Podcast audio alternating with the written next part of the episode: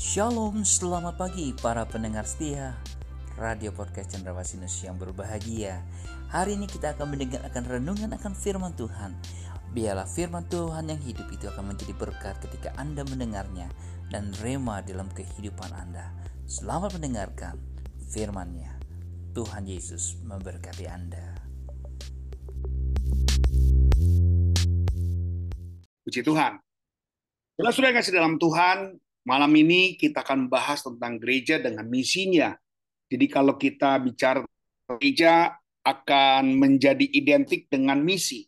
Jadi tidak bisa yang namanya gereja lepas dari misi, artinya mereka berjalan tanpa misi. Sejak gereja berdiri, artinya kita sudah mulai melaksanakan misi. Jadi malam hari ini saya mulai belajar bahwa ternyata memang kalau saudara sudah lihat dan ingat tentang sebuah gereja, berarti kita sudah mulai melakukan sebuah misi atau perjalanan. Nah, misi merupakan suatu tugas yang gereja tanggapi sebagai amanat atau perintah Tuhan secara langsung dalam rangka perannya di dunia ini. Jadi kalau Tuhan mengajarkan kepada kita, dia pergi, dia memberitakan Injil, dia cari murid, kemudian dia didik itu murid dan akhirnya murid itu juga berkembang. Walau tiga setengah tahun dalam pendidikan yang Tuhan lakukan akhirnya berhasil saudara. Khawatirnya pada waktu itu gagal. Ditemani dengan murid-muridnya yang bernama Yudas ditemani dengan murid-muridnya yang bernama Thomas ditemani dengan murid-muridnya yang bernama Petrus. Hampir-hampir saja pelayanan-pelayanan Yesus lakukan itu kelihatannya akan gagal. Kelihatannya akan gagal. Namun Ya, lagi-lagi bukan Tuhan kalau gagal ya. Dia Tuhan, dia selalu mendapatkan kemenangan-kemenangan. Jadi artinya di dalam Tuhan nggak ada istilah kata gagal. Nah, sudah perhatikan, misi itu adalah inisiatif dari Allah ya ku ya utus untuk memproklamasikan Injil secara jelas. Jadi harus ada yang memproklamatorkan yang namanya Injil, proklamasikan Injil supaya orang di luar sana mereka memahami apa sih yang kita lakukan. Ya utus anaknya, dia berikan anaknya, dia jadikan anaknya sebagai korban. Ini adalah bagian misi Allah. Nah, misi bukanlah pilihan yang dapat dipertimbangkan, tapi misi adalah suatu perintah yang harus dilaksanakan. Jadi tujuan dari misi adalah dia akan pulihkan hubungan manusia dengan Allah. Dia bawa manusia-manusia, dia ajak manusia-manusia untuk mereka mengenal hanya ada satu Allah dan hanya Allah itu saja yang kita muliakan. Nah ini nggak boleh dilepas dari apa yang menjadi kerinduan saudara dan saya. Jadi misi merupakan rancangan dari Allah ingin menyelamatkan manusia supaya manusia memperoleh kerajaannya, supaya manusia mengerjakan semua apa yang Allah perintahkan, menjalankan semua apa yang Tuhan suruh. Nah, kita dekati di dalam Matius 28 ayat yang nggak asing yang selalu kita uh, dengar. Yesus mendekati mereka dan berkata, Kepadaku telah diberikan segala kuasa, di sorga dan di bumi. Karena itu pergilah jadikan semua bangsa muridku, dan baptislah mereka dalam nama Bapa dan Anak dan Roh Kudus, dan ajarlah mereka melakukan segala sesuatu yang telah kuperintahkan kepadamu. Dan ketahuilah, aku menyertai kamu senantiasa sampai kepada akhir zaman. Jadi kalau kita lihat ayat tersebut bicara tentang bagaimana kita lakukan amanat agung Tuhan. Perintah terakhir Tuhan kepada murid-muridnya sebelum mereka terangkat ke surga. Seperti yang di mana mereka alam, eh, Yesus alami di Galilea. Nah, catatan Injil Markus sendiri menyatakan, coba Pak Charles bisa bantu saya, Markus 16 ayat 15. Ya, ini hampir mirip-mirip. Markus 16 ayat 15. Puji Tuhan. Markus pasal 16 ayat 15. Ya. Lalu ia berkata kepada mereka, mm -mm. Pergilah, Pergilah ke seluruh dunia. Yes. Beritakanlah Injil kepada segala makhluk. Jadi terima kasih. Penginjilan dan pemuritan inilah yang menjadi sebuah perjalanan yang tidak boleh kita lupakan. Satu gerakan kalau saya katakan satu gerakan yang gereja harus lakukan. Gereja harus melakukan penginjilan, gereja harus melakukan pemuritan. Ketika dua ini dijalankan dengan benar, ya saya percaya gereja kita sudah terlalu banyak mengalami mujizat Tuhan, miracle Tuhan, dan saatnya, ayo saya mau mengajak kita mulai melangkah. Gereja kita sudah uh, sejak kita sudah mulai berdiri sudah terlalu lama kalau kita hanya berdiam diri. Mulailah kita mengambil langkah. Pemuritan seperti hari ini walaupun kita kadang-kadang maksimal baru 24 atau 20 orang yang mengikuti, tetapi sebenarnya ini sudah harus dilakukan. Uh, sudah ada banyak orang-orang yang rindu supaya gereja Tuhan melakukan yang namanya pemuritan ini, melakukan yang namanya penginjilan dan saudara nggak boleh sampai kita terlupa dengan apa yang menjadi tujuan dari gereja itu berada. Dan salah satu doktrin yang dibuat oleh GSC adalah gereja dan misinya. Ya sehingga kita mesti apa menjadi orang yang sangat paham dengan apa yang menjadi tujuannya Tuhan. Nah, kita lihat di depan. Gereja adalah ciptaan Allah. Ya, kisah Rasul 20 28 nanti Pak Charles bantu saya. Cepat saja 1 Korintus 3 ayat 9 ayat 17 dan 1 Korintus 15 ayat 9. Yang didirikan dimiliki oleh Yesus Kristus sendiri. Tuhan katakan didirikan dan dimiliki. Jadi saudara-saudara, ketika saudara masuk ke dalam sebuah gereja yang ada di dalam dunia ini, itu bicara tentang bagaimana Allah memberikan sebuah respon. Allah membuat sebuah kepastian dalam kehidupan kita bahwa kita nggak boleh lepas dari sebuah gereja karena gereja lah yang akan mengajarkan saudara. Jadi Allah ini sangat mempercayakan sebuah gereja, Allah mempercayakan gereja di mana saudara tempati hari ini untuk mengajar saudara melakukan yang namanya pemuritan, melakukan yang namanya penginjilan. Dan ini nggak boleh lupa. Setelah kita mengalami kasih Tuhan, kita mengalami kuasa Tuhan, kita harus ingat ada bagian yang harus kita lakukan. Silakan Pak Charles. Kisah Rasul 20 ayat 28. Kisah para Rasul pasal 20 ayat 28, hmm. karena itu jagalah dirimu dan jagalah seluruh kawanan, hmm. karena kamulah yang ditetapkan Roh Kudus menjadi penilik untuk mengembalakan jemaat Allah yang diperolehnya dengan darah anaknya sendiri. Ini, ini menarik sekali, kisah Rasul 20 ayat 28 kita dikatakan pemilik, maka kalau kita dibilang per kepanjangan tangan dan kepanjangan pelayanan Tuhan, ini jelas betul. Saudara-saudara, kita adalah seorang yang ditugaskan Tuhan untuk memperhatikan jiwa-jiwa. Jadi saudara betul-betul sangat menarik bahwa Tuhan memang menginginkan saudara dan saya menjadi kepanjangan tangannya. Menjadi kelanjutan daripada firman-Nya. Ya silakan 1 Korintus 3 ayat yang ke-9. 1 Korintus 3 ayat yang ke-9 kami adalah teman sekerja Allah. Yes. Saudara sekalian adalah kebun Allah, bukan yeah. kebun kami saudara adalah rumah Allah, bukan yes. rumah kami. Nah, kenapa dikatakan demikian? Supaya ada rasa tanggung jawab. Kalau ini dibilang ada pelayanan gereja adalah bagian hanya pendeta atau gembala, artinya sesuatu yang dimiliki hanya dalam ke, ke, kesannya kami yang diberkati, kami yang memerintahkan, padahal kami mengajarkan perintah Tuhan kepada saudara. Ini bukan kepuasan diri saudara sendiri. Ya makanya kalau saudara pernah memperhatikan kenapa saya mau menjadi hamba Tuhan, kalau saya pikir jadi hamba Tuhan enak banget, ya udah dari dulu saja tidak perlu saya mengalami kecelakaan, saya nggak harus mengalami di penjara dua kali, nggak mungkin. Karena udah enak jadi hamba Tuhan. Justru saya katakan saya nggak tertarik sama sekali menjadi hamba Tuhan. Tetapi ketika Tuhan betul, ketika Tuhan perintahkan, ketika Tuhan suruh, dengan berbagai cara saya nolak makin dikejar sama Tuhan, secara saya makin menolak, saya makin banyak masalah, saya menolak makin saya dapat tekanan yang hebat, akhir akhir akhirnya di tahun 2001 ya Edo baru berusia berapa bulan ya saya harus masuk kembali ke penjara saya baru merasakan Tuhan selama saya tolak terus ini kejadian jadi terus nih Tuhan jadi apa yang harus lakukan? Saya harus mengambil diri. Nah, jadi ini adalah pekerjaan bersama. Tuhan butuhkan mungkin dia tugaskan Yoel, oke okay lah, kamu kan orangnya begini, begini, begini. Kata Tuhan nih, misalnya cerita singkatnya, udah kamu saya kasih untuk pegang itu cendrawasih, bikin cendrawasih berdiri. Dan kalau saya nggak berhasil, saya malu sama Tuhan. Kalau saya nggak berhasil melakukan pemuritan dan penginjilan kepada Bapak Ibu semuanya, ini sama aja saya gagal. Saya tidak bisa menjadi pemimpin yang baik. Saya harusnya menjadi pemimpin yang seperti hari ini memberitakan kepada Bapak Ibu bahwa misi gereja adalah pemuritan dan penginjilan. Dan saudara dan saya adalah kepanjangan tangan Tuhan. Itu yang menarik sekali. Ayat 17 Pak Jalas. 3 ayat 17. 1 1 Korintus, ya. 1 Korintus 3 oh. Ya, ayat 17. Oh, benar.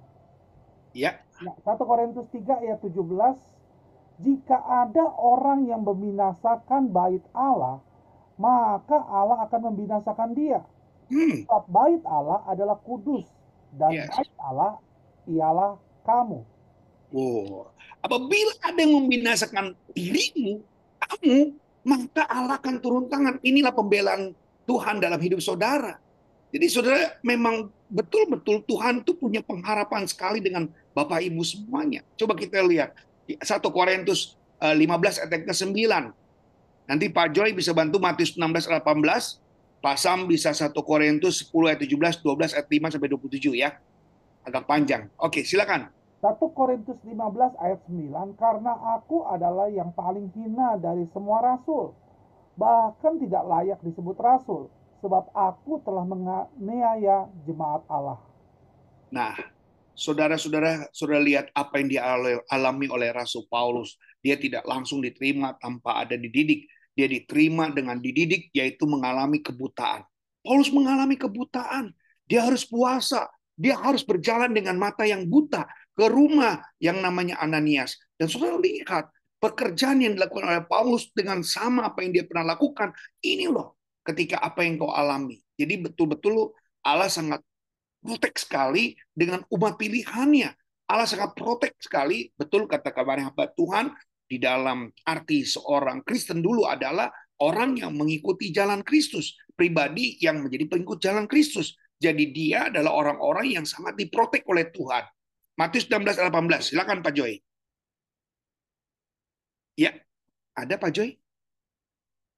Ya Matius 16 ayat 18 Ya. Olah Petrus sebuah batu Hmm. dan di atas batu karang ini aku akan membangun jemaatku Yes. Segala kuasa neraka tidak dapat mengalahkannya.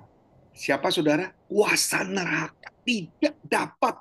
Artinya memang saudara, ketika saudara menjadi pengikut Tuhan, inilah yang menjadi saudara jadi berpikir, Tuhan, kalau saya benar-benar berkorban, kalau saya benar-benar mengikuti jalanmu, kalau saya betul-betul serius jalankan apa yang Tuhan punya mau, maka pembelaan Tuhan maksimal. Yes, betul. Pertolongan Tuhan itu akan jadi maksimal apabila kita menjalankan dengan keseriusan pekerjaan Tuhan atau pertolongan Tuhan tidak menjadi maksimal karena apa? Karena kita nggak pernah mau mengikuti. Kita cuma menagih, kita pikir eh, kasih kolekte, kemudian telah menjalankan pekerjaan Tuhan secara keuangan sudah sudah beresin, tapi saudara nggak mau bikin apa-apa. Artinya ada tugas yang harus kerjakan kembali. Ini yang menarik buat kita semua. Makanya saya bilang kekristenan itu makin lama bukannya makin menjadi gampang, menjadi susah. Susahnya apa? Kita harus mengikuti. Semakin mengerti saudara tentang firman Tuhan, semakin kita nggak punya apa-apa di hadapan Tuhan. Dengar baik.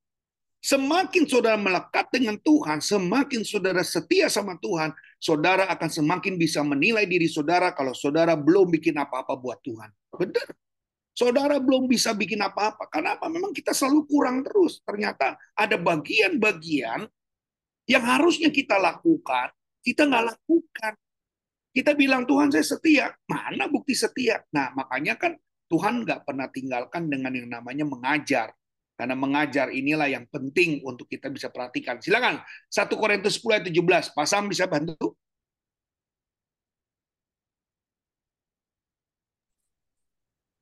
Nggak ada. Karena roti adalah satu, maka kita sekalipun banyak adalah satu tubuh. Karena kita semua mendapat bagian dalam roti yang satu. Amin. Pasal 12 ayat 5 agak panjang, Pak ya. Silakan, Pak.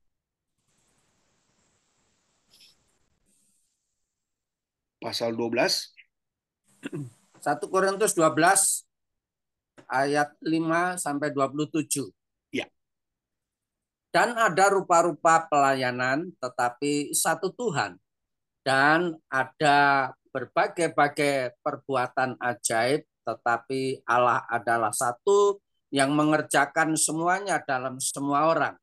Tetapi kepada tiap-tiap orang dikaruniakan pernyataan roh untuk kepentingan bersama sebab kepada yang seorang roh memberikan karunia untuk berkata-kata dengan hikmat dan kepada yang lain roh yang sama memberikan karunia berkata-kata dengan pengetahuan kepada yang seorang roh yang sama memberikan iman dan kepada yang lain ia memberikan karunia untuk menyembuhkan kepada yang seorang roh memberikan kuasa untuk mengadakan mujizat dan kepada yang lain ia memberikan karunia untuk bernubuat dan kepada yang lain lagi ia memberikan karunia untuk membedakan bermacam-macam roh.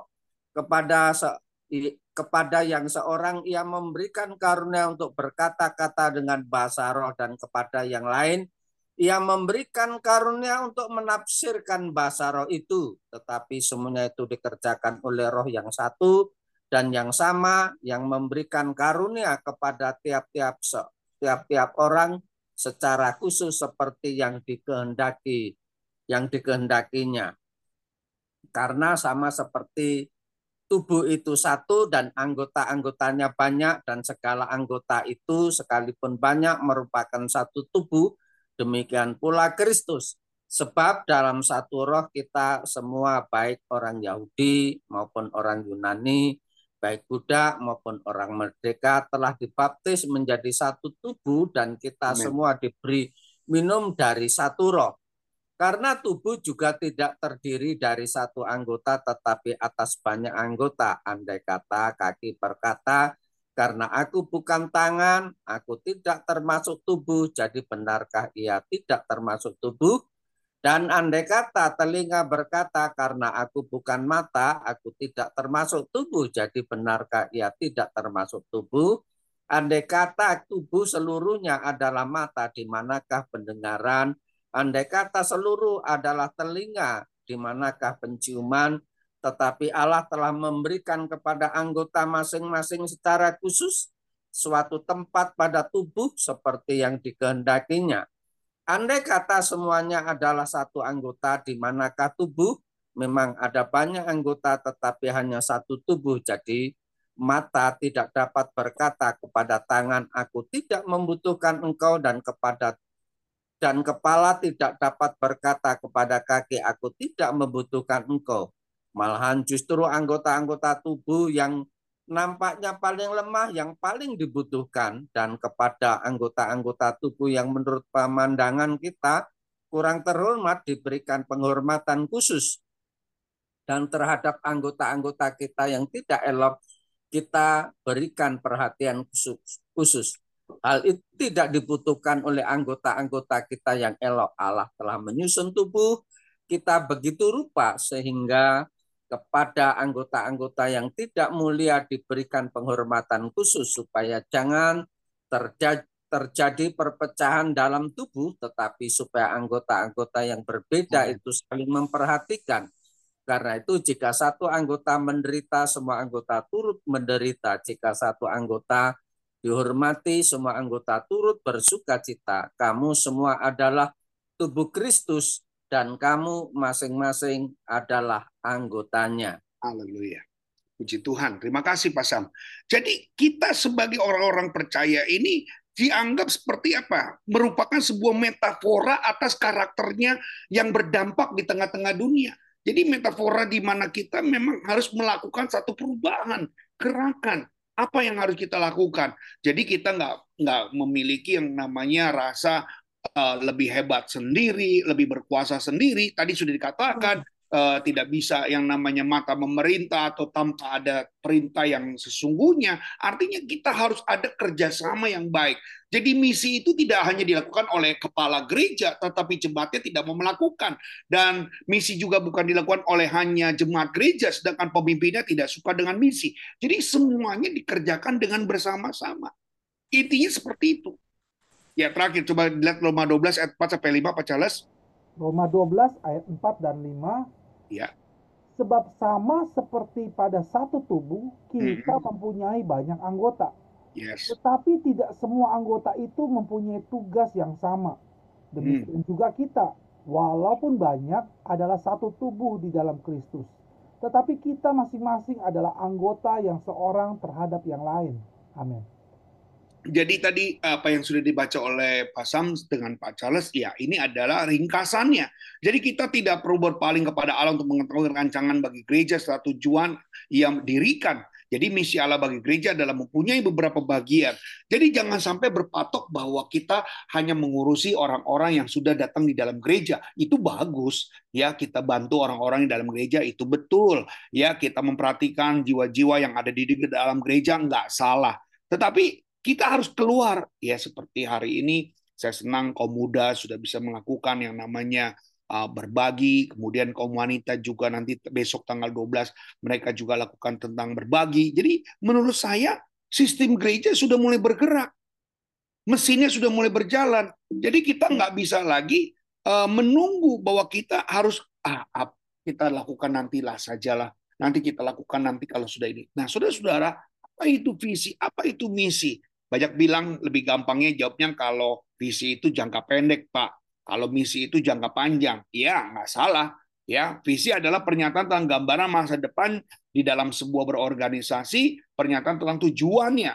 Visi adalah deskripsi luas tentang nilai yang diberikan sebuah eh, organisasi atau gereja gambaran visual yang hendak dihasilkan, wujudnya apa. Jadi kayak kita kadang-kadang visinya Pak Gembala apa sih? Oh, tahun ini kita ngambil kekuatan Misinya apa? Ya supaya jemaat itu semakin bisa mewarnai kehidupan dia dalam segala aspek tentang kekuatan itu.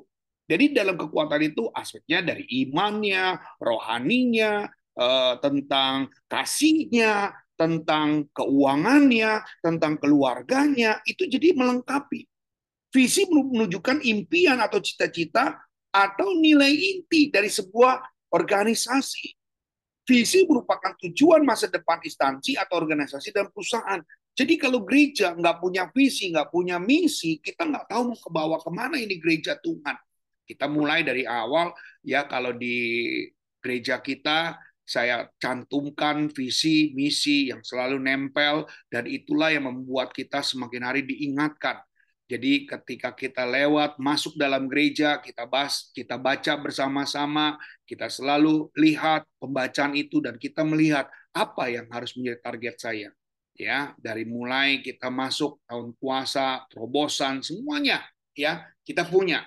Jika pernyataan visi menjawab target prediksi perusahaan atau masa depan, misi perusahaan adalah menjawab bagaimana Bagaimana kita akan membuat visi itu menjadi kenyataan. Jadi pendukungnya bagaimana gereja udah ada nih. Tetapi apakah gereja mau diam saja? Apakah gereja mau menjadi sebuah tempat yang indah dan bagus lalu tidak ada orangnya? Nah, di Eropa saat ini sudah cukup banyak terdengar bahwa gereja-gereja hari ini sudah kosong.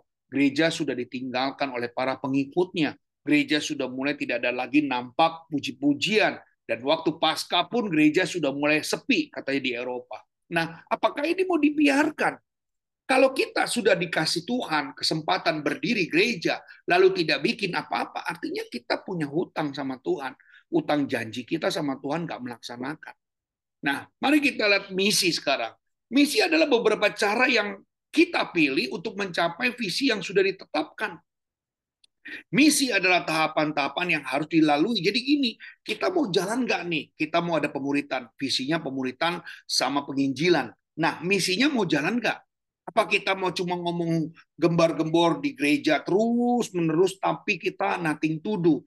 Kita ngomong terus ya. Puji Tuhan dalam satu tahun kemarin kita sudah mulai melakukan sebuah uh, apa ya merupakan sebuah pelayanan misi ya kita sudah berbagi dengan beberapa gereja, puji Tuhan. Dan tahun ini juga masih ada target kita ya. Saya harapkan bukan saya saja yang berangkat, tapi Bapak Ibu sudah bisa berani ya. Kita mau berangkat nih, kita mau lakukan misi. Jadi kumpulkan uang, kita berbagi, kita kasih dia. Kadang-kadang dalam bentuk-bentuk yang mungkin hanya pelayanan ya, sambil kita khotbah, kita kasih firman, kita kasih uh, pencerahan, kita bikin seminar dan hal-hal itu juga baik. Ada yang bilang misi yang sesungguhnya adalah bukan buka, bukan ketemu dengan orang Kristen. Misi yang sesungguhnya adalah berjumpa dengan orang-orang yang belum percaya kepada Tuhan. Boleh nggak? Bisa. Segala cara untuk kita bisa menangkan jiwa itu, saudara bisa lakukan. Kita nggak terkunci bahwa kita harus ketemu dengan orang yang uh, beragama Kristen saja. Kita hanya masuk dalam sebuah gereja saja. Enggak. Saudara bisa melakukan penginjilan dengan tukang sayur, saudara ngobrol tentang dengan tukang sayur, saudara bicara-bicara sambil mau ngomong tentang Yesus, saudara beli somai, lalu saudara ngomong berapa bang penghasilannya. Oh itu saudara bisa melakukan semuanya itu untuk penggapaian jiwa-jiwa. Saudara nggak perlu buru-buru mereka harus dibaptis, tapi kenalkan mereka dengan Yesus. Puji Tuhan kalau mereka mau dibaptis. Tapi paling tidak, nama Yesus itu sudah disampaikan kepada mereka bahwa Yesus adalah juru selamat. Jadi ketika mereka lagi misalnya nih ya contoh nih saya sudah ada sedikit pembelajaran yang saya pernah alami. Misalnya saudara makan siomay. Nah, sudah tanya, berapa bang siomay bang? Sepuluh ribu ya bang? Ya, jangan ditawar nih. Kita kan mau ngobrol sama dia. Sepuluh ribu, mahal banget bang. Dua ribu ya. Eh udah dua ribu dikasih, ngobrol. Abangnya udah enek ngeliat saudara. Udah makanan gue ditawar murah. Ya mau ngobrol lagi. Sorry ya, mungkin seperti itu. Saudara makan sepuluh ribu. Wah, di mana bang dagangnya? Tanya dulu dong seperti itu. Oh iya, sepi ya bang. Ah, kadang-kadang deh.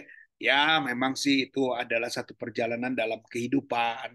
Ya, yang penting banyak berdoa. Abang doa gimana? Ya, saya sholat. Aduh, musiknya juga sungguh-sungguh hatinya juga ajak doain semuanya. Kalau saya sini pas, ya kalau saya berdoa bilang Tuhan Yesus tolong dan selalu ada mujizat yang saya hadapi. Nah, jadi dia bisa kenal Yesus yang bisa bikin mujizat. Dia kenal Yesus, Tuhan yang saudara, menjadi Tuhan yang membela, Tuhan yang menolong. Nah, kenapa?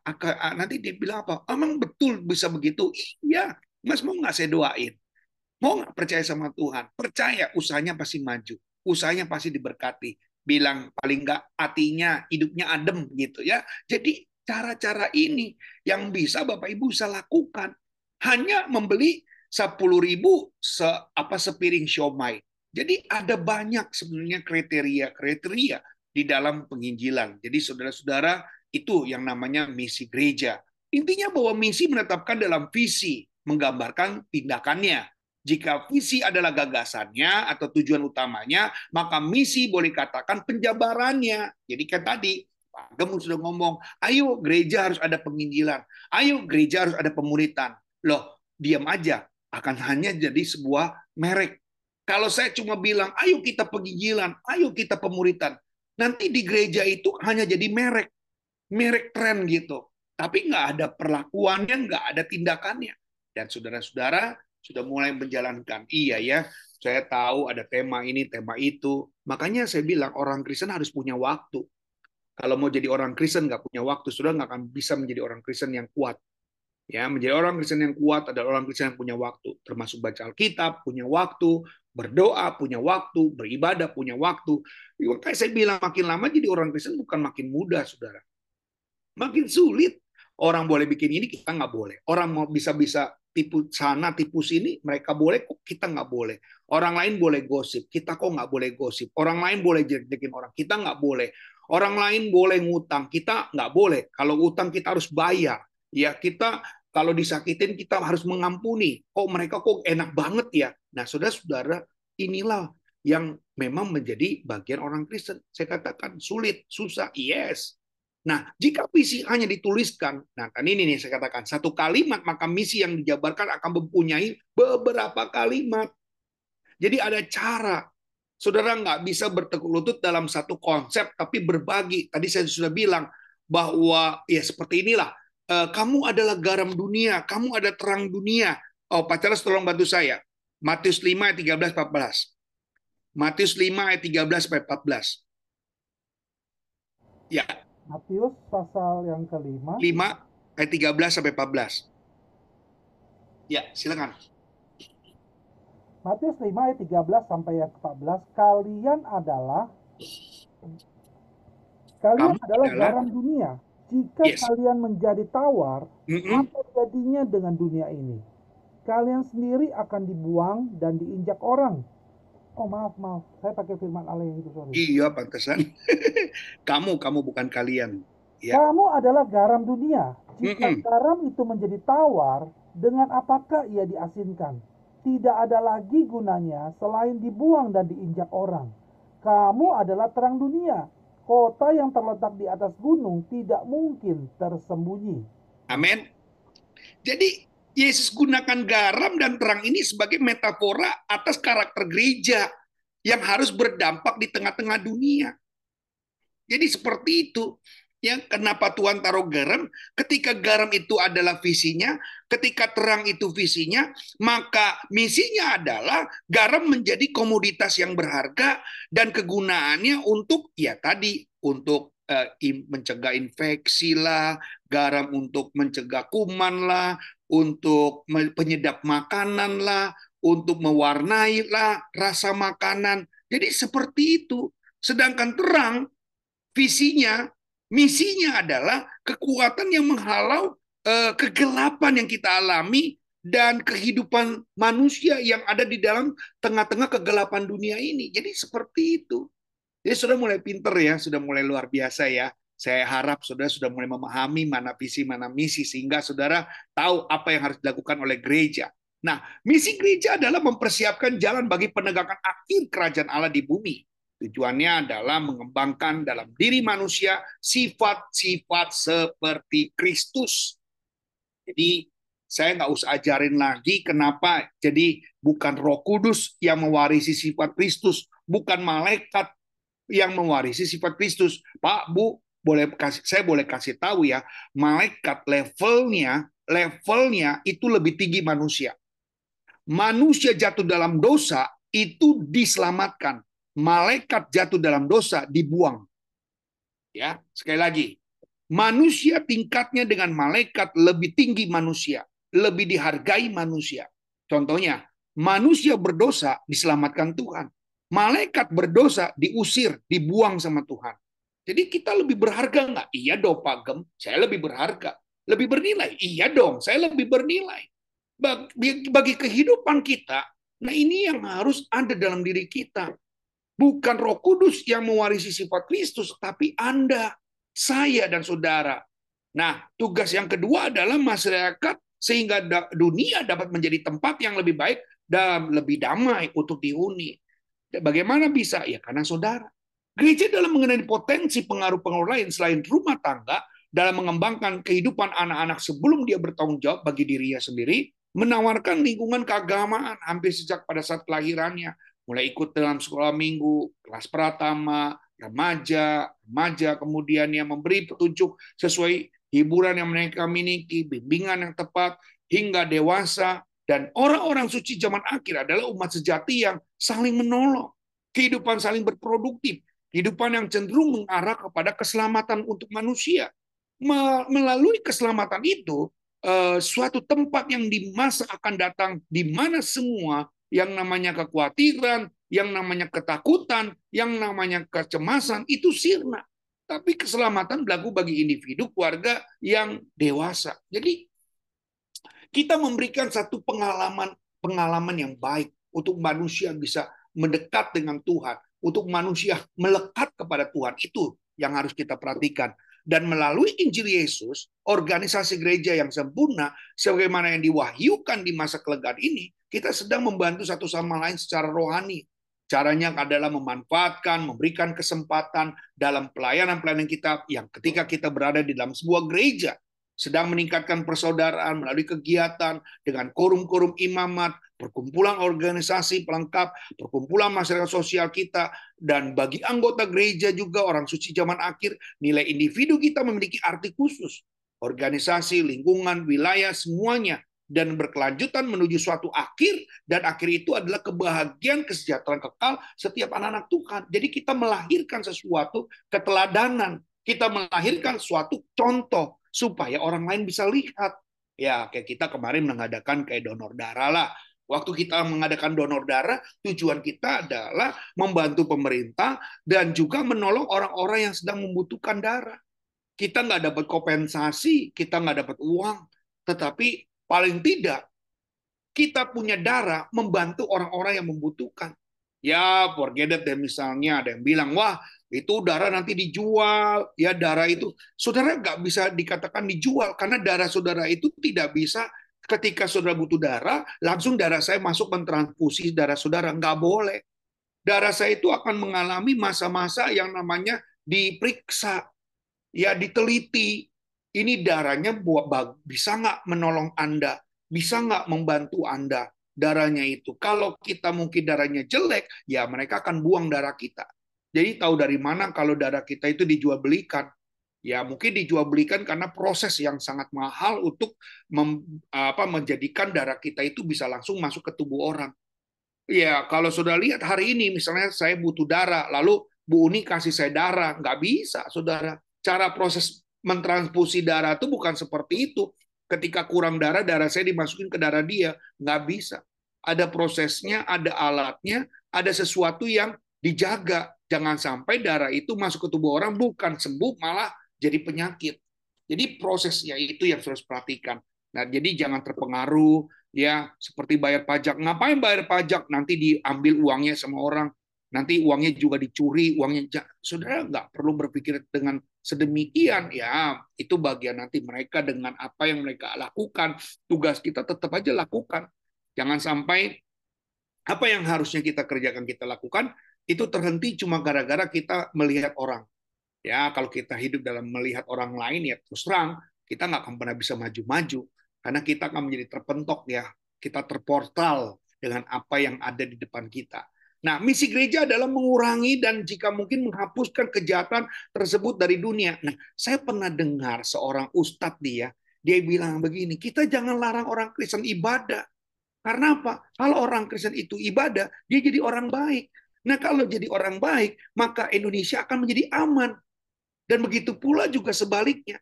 Kita nggak boleh melarang. Kalau mereka jadi nggak bisa ke gereja, akhirnya mereka jadi orang jahat, dan Indonesia pun akan rugi banyaknya orang jahat sehingga kejahatan akan banyak juga di muka bumi ini. Jadi kita jangan tutup gereja mereka, buka gereja mereka, izinkan mereka ibadah. Ketika mereka ibadah, mereka terima yang namanya firman dari gereja itu dan dia akhirnya bertobat dan kejahatan pun akan berkurang. Wow, ini menarik banget ya. Hal yang dikatakan sedemikian, ya memang betul. Ya, Justru gereja mengurangi kejahatan. Orang yang tadinya sudah berpikiran untuk, kan saya bilang tadi, jadi orang Kristen enak gak? Nggak enak. Karena orang Kristen semuanya banyak larangannya. Nonton bioskop nggak boleh. Ngerokok nggak boleh. Mabok-mabok nggak boleh. Tipsani nggak boleh. Semuanya hampir nggak boleh. Dijahat, berbuat jahat nggak boleh dijahatin harus mengampuni aduh saudara rasanya tuh capek bukan main. Tapi ya saya, saya sampaikan tadi pula orang-orang Kristen. Nah, sudah terbukti bahwa kita memerlukan kekuatan untuk mempersatukan, menghapus kejahatan. Kekuatan yang mempersatukan ini adalah kekuatan Injil Kristus. Maka dikatakan Kristus, eh, Injil Kristus itu adalah kekuatan. Ya, Injil Kristus itu adalah kekuatan yang di mana saudara nggak bisa menolak ya saudara nggak bisa menolak. Saudara tahu apa yang menjadi apa? Ya, kekuatan di mana saudara akan mengalami selamat daripada Tuhan. Coba Pak Charles bantu saya, Roma 1 ayat 16. Roma 1 ayat 16. Apa yang dikatakan dari tentang Injil? Ya, silakan. Roma pasal 1 ayat yang ke-16. Iya. Sebab aku mempunyai keyakinan yang kokoh dalam Injil. Karena Injil adalah kekuatan Allah yes. yang menyelamatkan setiap orang yang percaya. Pertama-tama orang Yahudi, tetapi juga orang Yunani. Kenapa dia bilang ada orang Yahudi, orang Yunani? Artinya apa? Untuk siapa pun. Bebas. Injil itu menyelamatkan orang yang benar-benar mau percaya sama Yesus. Tidak ada pembatasan. Nah, kekuatan ideal yang tadi saya sampaikan, ada peneguhan rohani juga yang dirindukan Tuhan ada dalam hati manusia. Jadi kalau saudara hari ini lihat bagaimana seseorang bisa bisa berbuat jahat karena tadi dikatakan dia Injil di dalam dirinya itu tidak terlalu kuat. Makanya saya bilang kalau saudara punya Injil dalam hidup saudara, saudara setia dalam menginjilan kepada Tuhan, nggak punya kesempatan untuk ngomongin orang. Kalau saudara semakin erat dengan Tuhan, makin setia sama Tuhan, makin cinta akan Tuhan, nggak punya waktu untuk ngomongin orang. Jadi orang yang bisa ngomongin orang itu adalah orang yang selalu punya waktu. Kenapa dia punya waktu? Karena dia nggak mau melakukan apa yang menjadi kekuatan yang Allah mau beri bagi mereka. Mereka nggak mau masukin. Mereka nggak mau hidup di dalamnya. Jadi kalau ada firman nggak mungkin. Maka dikatakan ya yang sudah lihat kita yang secara terus-menerus menghancurkan masyarakat, masalah minuman keras, mabuk, candu, kejahatan yang menyertai, kebijakan moral, wah kemiskinan. Gereja harusnya apa? Saat ini berusaha menjadikan lingkungan yang baik, yang lebih cerah. Jadi kita masuk harus membawa perubahan. Jadi kita bisa lakukan penginjilan, kita bisa lakukan pemuritan, kalau ini pun menjadi bagian PR buat kita. Saya percaya Saudara satu hari akan kesaksian bahwa ketika sudah sudah jadi jemaat Tuhan pernah mendoakan rumah tangga yang akan berantakan, tiba-tiba mereka bersatu lagi. Ketika ada yang mau bunuh diri, kemudian saudara bisa doakan, lalu saudara melihat dia bertobat dan melayani Tuhan. Ada yang orang gagal, pengen ada yang bilang, wah apa perlu saya sama anak, sama suami, sama istri minum racun, udah saya mati, saya tinggalkan semua dunia ini. Gak bisa bunuh diri masuk neraka. Ya, Saudara jangan berpikir bahwa dengan menyingkati kehidupan kita akan singkat juga persoalan kita. Enggak. Masalah di dunia aja udah nggak tahan, apalagi nanti masalahnya, saudara. Saudara harus hadapi semuanya. Kalau orang bilang apa? Sampai titik darah terakhir, saudara tetap mempertahankan. Harus pertahankan. Nah, kalau saudara saya tanya, misi gereja masa kini apa sih? Jadi saudara kalau dulu kita bisa pergi Eh, memberikan diri untuk melayani Tuhan, apakah saat ini masih berlaku misi gereja masa kini? Nah, kita baca. Gereja yang hidup adalah gereja yang bermisi. Wow, jadi udah jelas ya, gereja hidup adalah gereja yang bermisi. Gereja yang dengan sungguh-sungguh dan setia mencoba menjalankan setiap aspek kebenaran firman Tuhan di dalam keseharian. Jadi selama ini kita masih belum lakukan ya, kalau dikatakan iya juga ya, saya belum melakukan. Ya dulu sih ada yang namanya persembahan misi. Ya mulai-mulai hari ini kalau saudara memang tergerak untuk melakukan persembahan misi, saudara bisa tulis. Ya karena uh, saya sendiri sudah belajar bagaimana persembahan-persembahan diterima dari uh, ibadah. Ya saya selalu bilang ini buat misi. Ya karena memang dari hal-hal yang terkecil itu dimulai. Ya nanti pada waktu misi berjalan ini uang sudah bisa digunakan. Nah memang itu bukan hal yang gampang, tapi bukan tidak mungkin dicapai dan dilakukan. Pasti ada konflik, pertentangan yang akan terjadi. Ya, betul, pasti. Karena ada yang bilang, uang dihambur-hamburin cuma kasih-kasih orang. Uang dihambur-hamburin cuma bagi-bagi orang. Uang dihambur-hamburin cuma kasih orang yang ada di gereja. Bagaimana dengan orang yang ada di gereja kita sendiri? Nah ini nih, kadang-kadang ini yang menjadi konfliknya. Mereka bilang, ngurusin luar, dalam aja belum beres. Ada kadang-kadang orang-orang yang sedemikian, Bapak Ibu. Tetapi Saudara-saudara, Tuhan bilang apa? Apabila kamu memperhatikan orang lain, ya, kamu akan diperhatikan oleh Bapa di surga. Tuhan yang akan memperhatikan kita. Jadi kalau kita berpikir untuk orang lain, Tuhan yang akan berpikir untuk kita. Tapi kalau kita berpikir untuk diri kita sendiri, Tuhan akan mikirin orang lain. Nah, catat baik-baik deh. Ini menarik banget. Saat saudara mikirin orang lain, maka Tuhan akan mikirin saudara. Tapi kalau kita mikirin diri kita sendiri, maka Tuhan akan mikirin orang lain. Saya tanya, saudara mau dipikirin sama Tuhan apa dipikirin diri sendiri? Hah? Pasti saudara bilang, wah mendingan mikirin orang lain lah. Kenapa? Kalau saya mikir orang lain, Tuhan yang akan mikirin kita. Tuhan itu sumber berkat, saudara. Tuhan itu raja berkat. Tuhan itu segala berkat. Jadi saudara nggak akan pernah berani untuk mengatakan, ah saya nggak nggak nggak mau saya mendingan uh, mikirin saya sendiri orang saya aja makan susah saudara-saudara itulah mental kita itulah keberadaan kita itulah gereja-gereja masa kini yang kadang-kadang menganggap menolong orang lain itu adalah bagian yang memberatkan bagian yang merepotkan ya saudara sama kayak Yesus lah kalau dia mau mikirin diri sendiri dia juga nggak mau mati di kayu salib ngapain bukan dia yang berdosa bukan dia yang bersalah tapi hukuman begitu berat diterima oleh Yesus, saudara. Jadi saudara harus mulai, oh gereja itu sebenarnya harus begini ya. Jadi gereja itu bukan hanya tempat perjumpaan saudara dengan teman, ya makan sama-sama, kumpul sama-sama. Nggak salah sih, nggak salah. Tetapi esensinya harus diubah. Kayak kita tuh udah naik kelas levelnya. Nggak lagi berpikir hanya untuk diri kita sendiri. Ya, bagaimana cara kita. Nah, konflik pertentangan akan terjadi. Tetapi kalau kita semua mau setia, tunduk diri. Nah, ini tunduk diri. Di bawah kebenaran firman Tuhan, bersama-sama menjalankannya, niscaya pertentangan itu dapat diselesaikan bersama-sama. Dalam bagian ini kita tidak akan menyoroti tentang kehidupan gereja secara keseluruhan, tetapi lebih mengamati misi yang harus dilakukan oleh gereja. David Halis bilang bilang begini, sudah dalam bukunya Gumulan Misi Masa Kini. Dia bilang misi adalah panggilan yang Tritunggal. Artinya apa? Allah Bapa, Allah Anak, Allah Roh Kudus. Menyatakan Kristus kepada dunia dengan cara proklamasi, kesaksian, dan pelayanan. Supaya dengan kuasa Roh Kudus, Allah dan firman-Nya Manusia dibebaskan dari egois.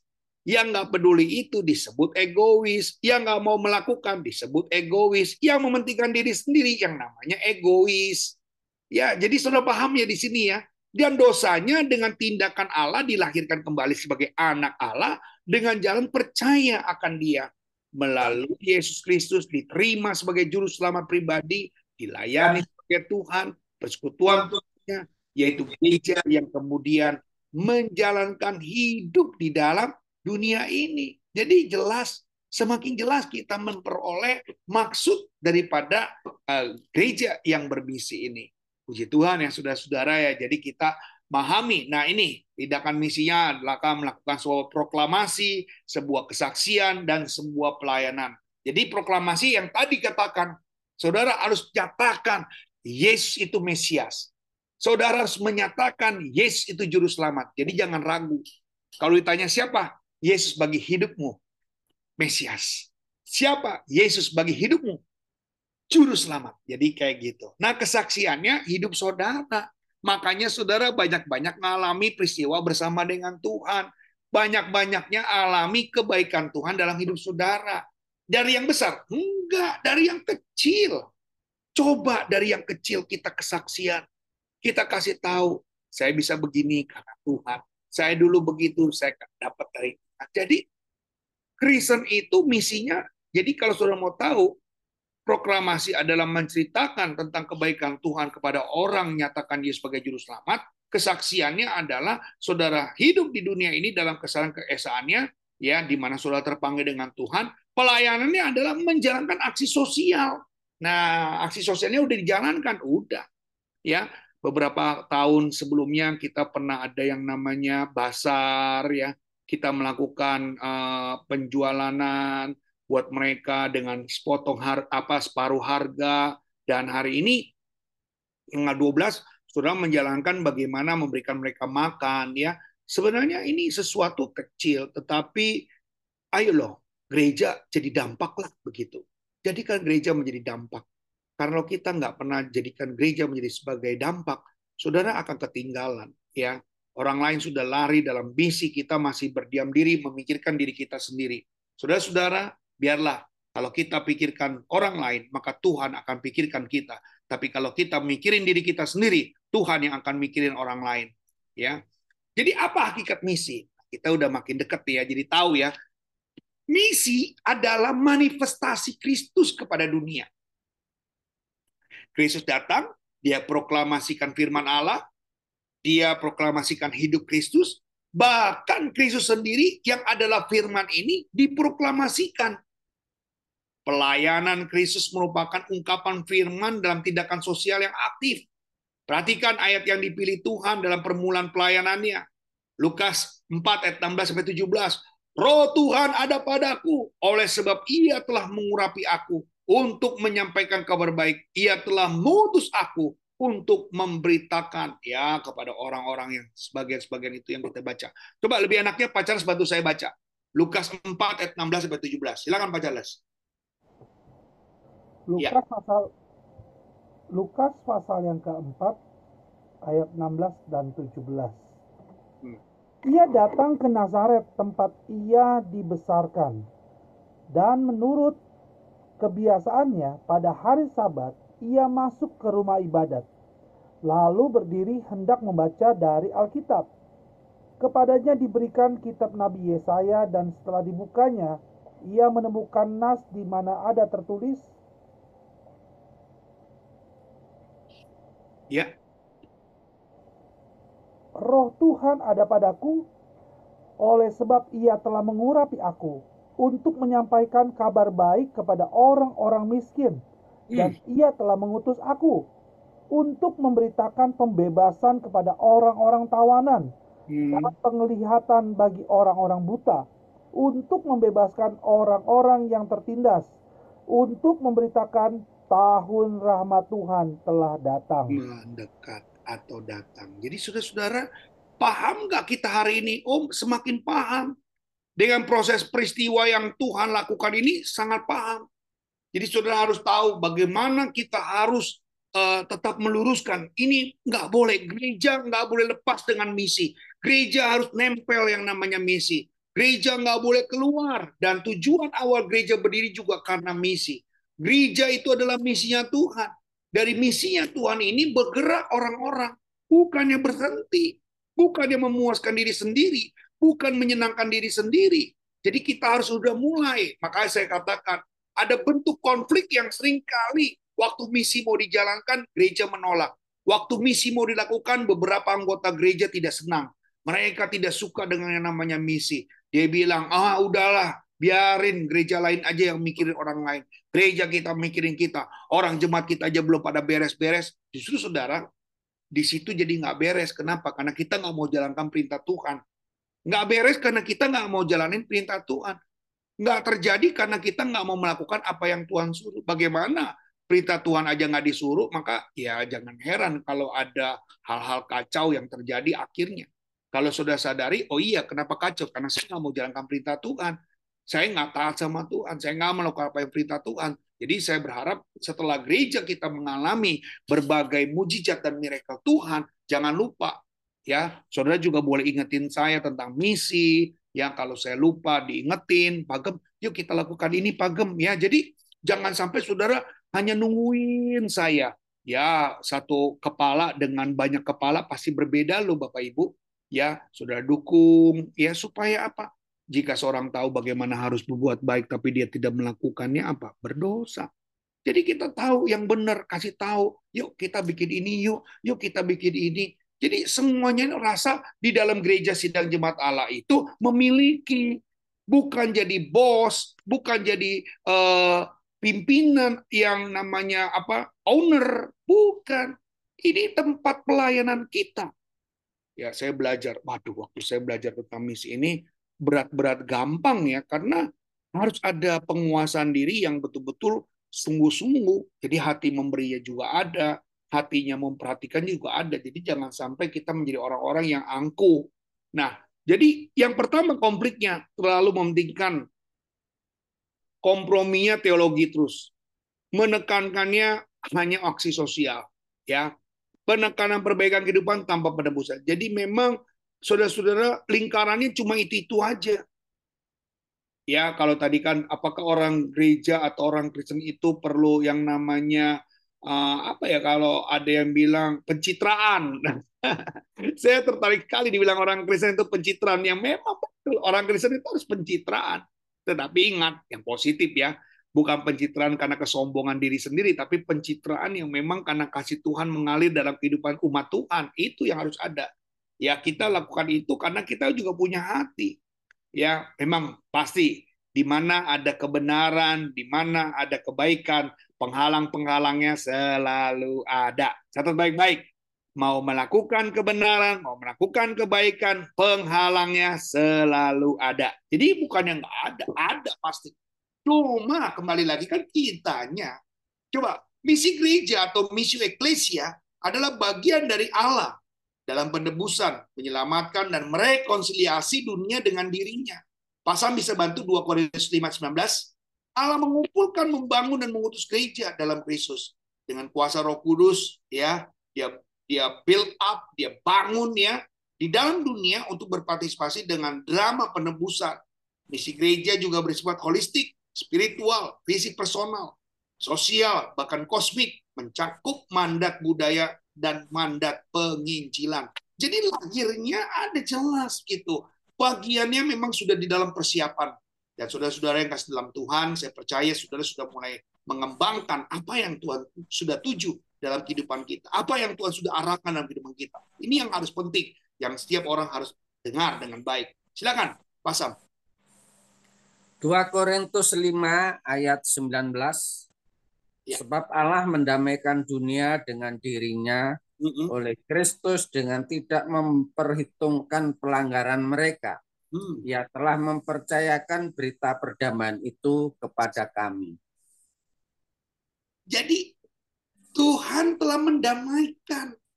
Bahkan dia sudah memberi apa yang memang enggak. Ya kita nggak bakal sanggup sih menggantikan. Ya, saudara harus lihat bagaimana menuju gereja misional. Ya, dulu kita hanya lakukan sesaat ya, sebagian. Kita lebih banyak berpikir tentang di dalam, ya. Lalu kita pikir tempat yang jauh, ya, waktu yang pendek. Jadi kita hanya lakukan hanya main di seputaran kita. Tetapi kita sudah harus berubah ya bagaimana kita harus lakukan semua jemaat. Jadi misi itu bukan hanya perorangan, per kelompok, tapi semua bergerak. Ya, saya senang tuh kalau saya suka lihat ibu-ibu pada pergi kemudian melayani ya waktu di Amerika Serikat di Amerika itu ada 50 negara bagian. Kemudian jemaat dikasih libur. Ya, dia bilang hari Minggu ini tidak ada ibadah. Semua jemaat jalan-jalan. Tetapi mereka disuruh ke 50 negara bagian. Ada yang ke Hawaii, yang punya uang ke Hawaii. Ada yang ke New York, ada yang ke Chicago, semua 50 negara bagian Amerika mereka pergi semuanya. Wih, luar biasa Saudara. Dan 50-50-nya itu selama hampir 10 hari mereka dikasih izin untuk pergi dan minggu tidak ke gereja. Mereka jalan-jalan, ajak keluarga mereka. Ada yang bawa mobil, ada yang pokoknya mereka pokoknya retret lah dengan keluarga mereka. Di situ mereka disuruh doa. Mereka disuruh doa. Mereka selalu uh, mengirimkan pelayanan-pelayanan mereka di sana. Tiap kota mereka doa, saudara. Nah, saya juga ada kepikiran bagaimana saudara saya suruh berangkat ke seluruh Indonesia. seluruh Indonesia saudara pergi. Saudara misi di sana saudara doakan. Ketika saudara di Bogor, saudara doa buat Bogor. Ya mungkin nggak jauh-jauh. Kita semua ke Jawa Barat misalnya seperti itu. Nah, itu bisa ada kemungkinan kita bisa jalan, saudara ya kita ada yang hidup di Bekasi, kita ada yang di Depok, kita ada yang pokoknya satu eh, Jawa Barat ini kita pergi kita kunjungin saudara. Ada yang di Cirebon, ada Ningan, yang ada yang di Tasikmalaya, saudara bisa berjalan. Dan gereja libur pada saat itu. Dan itu lakukan saudara. Nah ini mungkin kepada seluruh jemaat. Kemudian orientasinya kita keluar bukan ke dalam. Tempatnya ya kita cari bagaimana kita bisa lakukan dalam waktu yang bukan pendek tapi waktu yang panjang. Ini mungkin saya nomor tiga ini agak terbalik ya. Tempatnya dekat tapi yang sebelah ini tempat yang jauh. Jadi terbalik ya saudara ya. Jadi di sini sip menuju gereja misional. Itu yang saudara katakan. Kalau sebagai jemaat ya ini misi harus digerakkan dengan seluruh tubuh ya hanya satu departemen atau kelompok saja jemaat hanya bukan penonton pendukung namun aktif seluruh jemaat adalah misionaris ya. Jadi kita disebut seorang misionaris imamat yang percaya. Seperti 1 Petrus 2 ayat 9 ya. Bisa dibaca? Silakan. Pak Charles 1 Petrus 2 ayat 9 1 Petrus pasal yang kedua ya. ayat yang ke-9 demikian firman Tuhan. Tetapi kamulah bangsa yang terpilih imamat yang rajani bangsa yang kudus, umat kepunyaan Allah sendiri, supaya kamu memberitakan perbuatan-perbuatan yang besar dari Dia yang telah memanggil kamu keluar dari kegelapan kepada terangnya yang ajaib. Amin. Amin. Karena misi adalah gerakan komunitas, bukan semata-mata gerakan individu. Perlu membangun komunitas yang sehat, jemaat yang perlu belajar sharing life together, ya, belajar membagikan, mendengarkan, menolong, ya, uh, pokoknya saling membangun hubungan, saling rasa percaya, kemudian juga dengan hidup yang kebersamaan, yaitu bergerak bersama. Kalau ke dalam misalnya atau keluar, spiritualnya bukan hanya dihidupi dalam gereja, namun juga berada di luar. Marketplace yang kita nih bukan dalam gereja. Ya coba kalau tiap hari kita kasih garam terus di gereja, lama-lama darah tinggi. Dikasih garam terus di gereja, kita nggak keluar-keluar. Kita lama-lama orangnya naik darah semuanya. Karena apa tadi?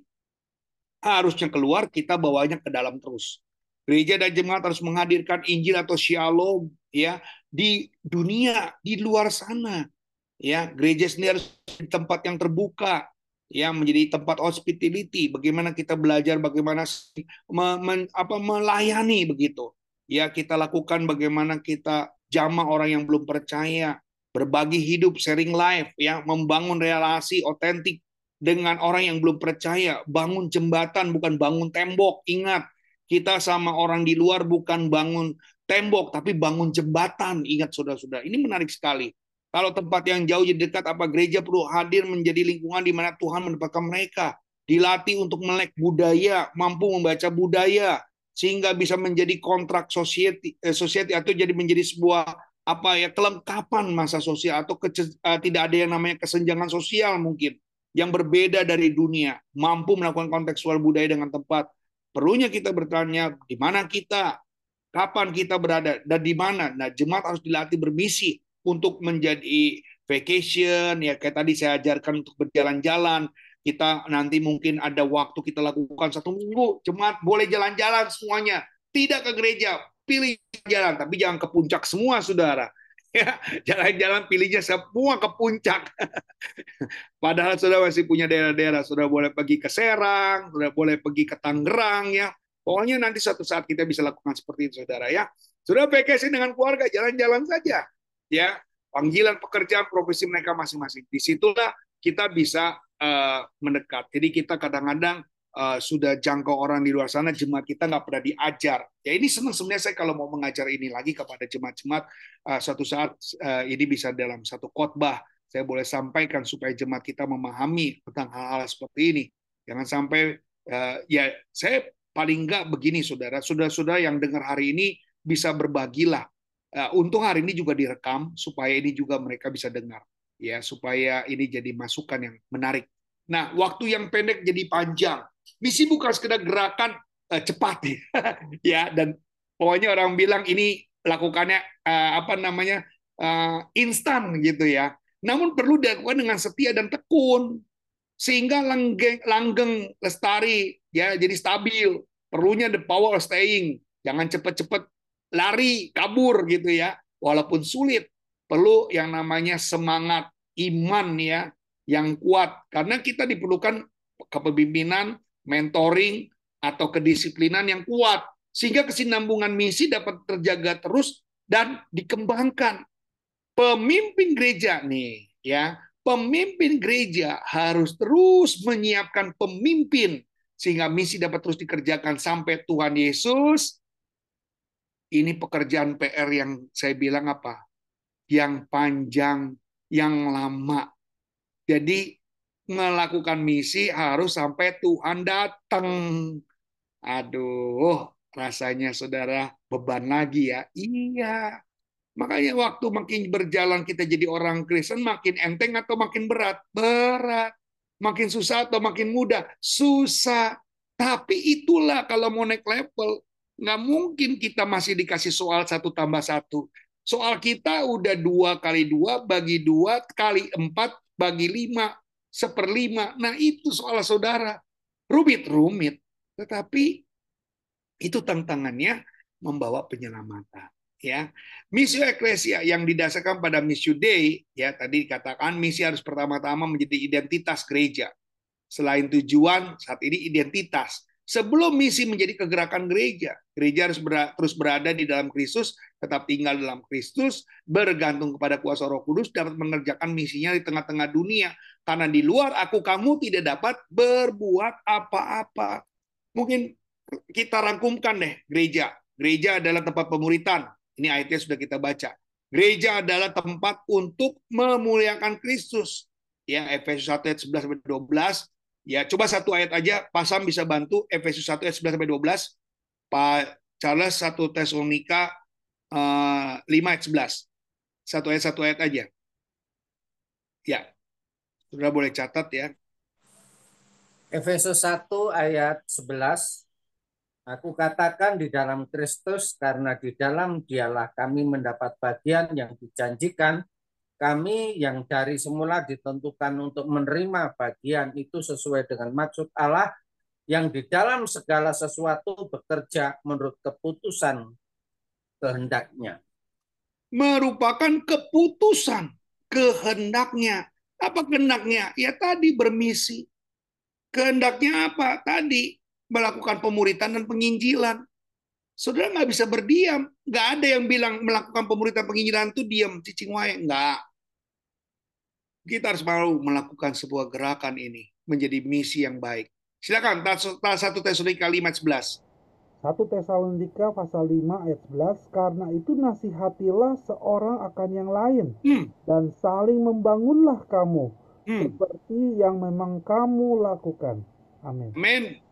Kamu harus saling membangun. Lihat ini di lapangan bola. Sudah lihat lapangan bolanya kan? Semuanya ngapain? Bergerak. Coba kiper ngawal bergerak.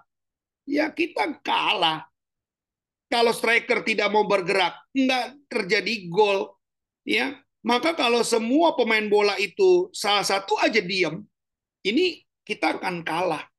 Jadi mereka harus bergerak. Sebelah sebelasnya sudah lihat semuanya ada bola. Artinya apa? Harus bekerja.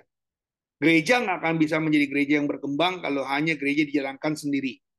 Terus terang capek sendiri. Ya, ada bagian yang memang gembala harus kerjakan, ada bagian yang harus jemaat sama-sama dengan gembala kerjakan. Amin. Setuju ya? Nah, tadi di ayat ini sudah dibaca ya, setiap nada membutuhkan nada lain untuk menghasilkan bunyi harmonis ya. Coba saudara main gitar, satu gitar aja senar yang dipencet atau eh dipencet lagi. Tali gitar saudara petik, ya satu aja talinya, enak nggak? Nggak enak. Tapi kalau enam kita pukul, kita gejreng sama-sama. Bunyinya apa? Harmonis. Ya, ingat ini gereja memang harus indah sesuai dengan keinginan Tuhan. Harus indah seperti gereja kita, indah ya. Tapi ingat, semua harus sesuai dengan baik. Bangunan yang indah harus ada Tuhannya yang berdiri, bukan manusia yang berdiri. Kalau indah sebetulnya disusun komponen-komponen yang beautiful, kita tidak akan pernah berguna kalau kita sendiri-sendiri. Kita harus lihat ada semen yang kotor, batu-bata yang tidak indah, batangan besi yang tidak menarik, lebara aluminium. Ya sama kayak kita punya bangunan kemarin, kotor, ya jelek ya. Apa yang terjadi? Ya lihat semuanya. Kalau batu bata tidak ada impact-nya, tidak ada dampaknya tanpa semen, nggak ada. Semen juga nggak ada impact-nya kalau tanpa ada batu bata. Ya kan kuncinya cuma ayo kita sama-sama. Kuncinya adalah kita kerjakan sama-sama. Ini adalah bagian-bagiannya. Kalau saudara lihat ruko dengan 10.000 batu bata, harganya 10.000, cuma 100 juta, semen 200 truk, hanya 20 juta, totalnya 120 juta. Dianggap 400 juta deh, ada tukang, ada cat, ada besinya masuk. Tetapi ketika mereka jual di Pantai Indah Kapuk, harga yang kita bangun hanya 400 juta, dijual berapa? 2,5 M. Bahkan ada yang 7 M. Kenapa? mereka kompak. Jadi dengan potongan yang kecil, dengan nilai yang kecil, tapi dampaknya, impact-nya, saudara. Ya, kalau 400 juta bangun di Cendrawasih udah mewah ya. Tapi kalau saudara beli eh, 7M di peak ya, cuma ya empat kali berapa saja modelnya juga cuma ruko biasa ya, tidak semenarik apa yang sudah apa yang akan sudah bisa terima. Tapi kalau di Citra sudah bangun 7M, uh mewahnya luar biasa. Tapi kalau 7M di peak biasa saja. Gereja ada karena misi seperti api yang membakar. Jadi harus ada terus-menerus. Yes. Harus hidup. Iya. Itulah misi. Jadi nggak mungkin uh, kita tinggalkan. Nggak mungkin kita lepasin. Jadi kebersamaan kita, maaf, kesatuan kita itu penting sekali untuk kita terus karyakan. Itulah yang Tuhan mau. Jadi kita nggak bisa hanya berdiam diri, jadi manusia yang egois, yang tidak berpikir untuk orang lain. Jadi hari ini sudah mulai satu kepastian, satu kesatuan. Ayo kita bangun sama-sama. Ayo kita mulai berikan diri kita untuk makin melekat dengan Tuhan. Amin. Puji Tuhan. Bapak Ibu, ada yang mau bertanya mungkin setelah apa yang saya sampaikan? Luar biasa ya. Kita bisa tuntaskan hari ini. Nanti tanggal 17 kita sudah mulai ketemu. Lagi, sekali lagi, setelah itu kita ada libur. ya. Jadi 17 ada masih pelajaran doktrin. Ada 15, ini yang ke-10. Tinggal 5 lagi. Tapi ya gampang lah. Yang penting sudah sudah mulai menyimak satu persatu. Semuanya ada dalam rekaman ya, puji Tuhan.